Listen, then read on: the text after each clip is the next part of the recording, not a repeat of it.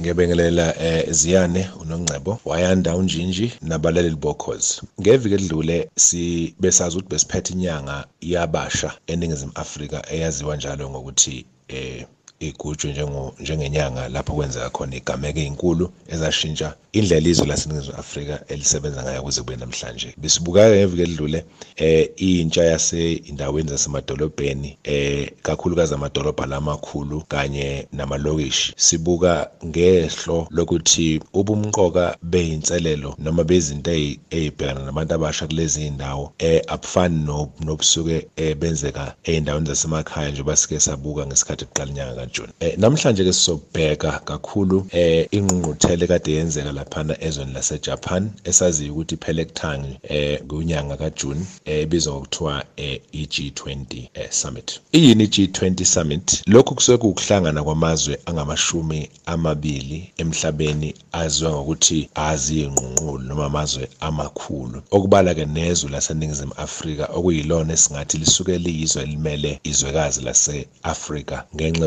yokuhlonishwa elanikezwa khona kusuka eminyakeni engamashumi amabili nanhlanu edlule ngendlela elangena ngayo kuhlelo lolisibiza ukuthi democracy kunye kubalekile ukuthi lamazwe eh kusuke amazwe amabili nengxenye okuwukuthi mhlambe ngokoma percentage amazwe cishe be 66% amelelekile ngokwezibalo zabantu. Kusho ukuthi izibalo zabantu base basemhlabeni jikelele siyazi ukuthi zilapha njengamanje ngo 7.7 billion. Shuthi lapha so sikhuluma ngabantu abasuke bemelelekile kulamazwe awu20 abangaphezulu kancane ku6 billion. Nanokuthi futhi okunye kubalekile yini inhloso yalo yalonyaka bekade kuxoxwa ngani bekade kubuka kakhulu indaba zomnotho omhlaba uhwebelana nokutshala kwezimali inhlelo ezintsha zokwakha kabusha umnotho ukuqasha noma indaba zezimisebenzi kubhekwa futhi nokuthi kube khona indlela yokuhlonyuliswa kwabantu besifazane kakhulukazi emnothweni banikezwe amandla. Bekubukwa futhi nendlela intuthuko ekumele ukuthi mayibe ngakhona kakhulukazi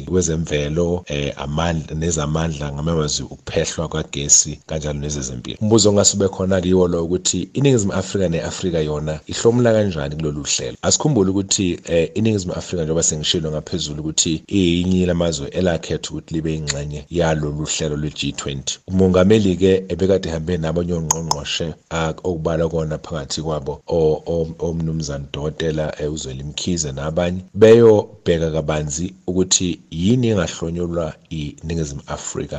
Kulamazwe eh futhi yini enga engahlonyulwa iAfrika jikelele eh ngokuthi iningizimu Afrika ingxenye yalamazwe izinto kade beyibheka kakhulu eh ubumqoka bokuthi kube khona eh ukutshalwa kwezimali ezohambisana nengqala sizinda eningizimu Afrika ngoba siyazi ukuthi izwe lisekeleka kahle kakhulu kwezomnotho ngenxa ukuthi ingqala sizinda yakhona isemgangathweni. Nanokuthi ke futhi maningi amazwe eseAfrika angabi nengqala sizinda ephelele nenhle nefanele ukuthi ihambisane nesimo sokuthuthukiswa kwezomnotho umnotho eh njalo njalo. So bekuyobheka kakhulu ke lokho nasekuthenini iningizimu Afrika ingahlomula ekabanzi ngalokhu esesikubalile. Mhlawumbe umbuzo esingawubheka la yiwo lo ukuthi ingabe ngempela eh siyahlomula ngokufanelekileni kakhulukazi kwezomnotho eh njengoba sazi ukuthi ukuba ingxenye yalamazwe kusuke kumpela kuyivela kancane nento engicabanga ukuthi amazwe amaningi omhlaba asuke yifuna kakhulukazi uma ungabuka la eAfrika amaningi amazwe asuke ehalele loba lobe nawo ungathi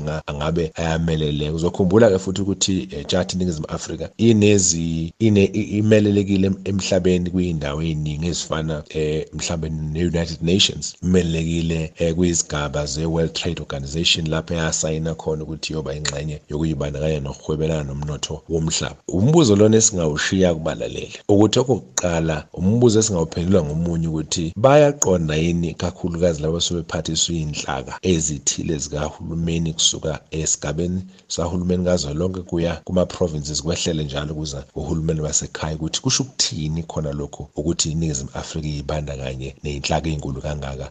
Kuyabonakala yini eh usizo olusuke livela lapha phezulu lwehlela ey'ndaweni eziphansi? Ngoba ikhona lento ehambisana nokuthi kube nje kuyayiwa laphana kujatshulwe kube mnandi kuxoxwe kodwa bese kungabonakali ngempela into esingathi yi-impact enkulu ezomele ukuthi mayibe khona ey'ntweni ey'suke zihambisana nezimo iningizimu afrika ebhekene nazo njengey'ngqinamba lapho uthola ukuthi abantu abaqashiwe lapho uthola ukuthi iy'mbone azikhuli njalo njalo. Kwesibili engicabanga ukuthi asikuphonse kubalaleli njengombuzo walo mbuzo esiwubuzile ukuthi yini ngempela esikutholayo thina la? Yikho ukuthi kumele sibhekisise kabanzi izinto ezisuke zihambisana nale investment okusuke kukhulunywa ngayo ukuthi ma seyizileke lapha eningizimu afrika le investment ifika ihlalephi ngoba okucacayo ukuthi investment eningi ifika nje lapha emazingeni aphezulu ingehleli phansi. Kodwa futhi noma kuthiwa yenzeka yehlela phansi kodwa ayehleli ngendlela efana ngabe yehlele ngayo. Iyona-ke le nto ebengithi asiyibuke namhlanje ihambisana nokuthi sizosilungisa kanjani thina isimo ngale kokuthi silokhu silindele ukuthi um kube khona abantu abathile abazosilungisela sona.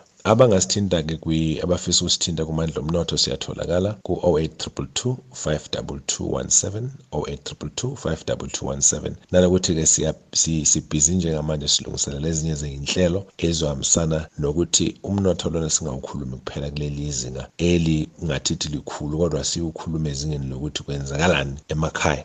Iziphi izinto efanele ukuthi mazenzeke ezindaweni lapho esisuke siphila zona kuzona ukuze umnotho wethu uthuthuke.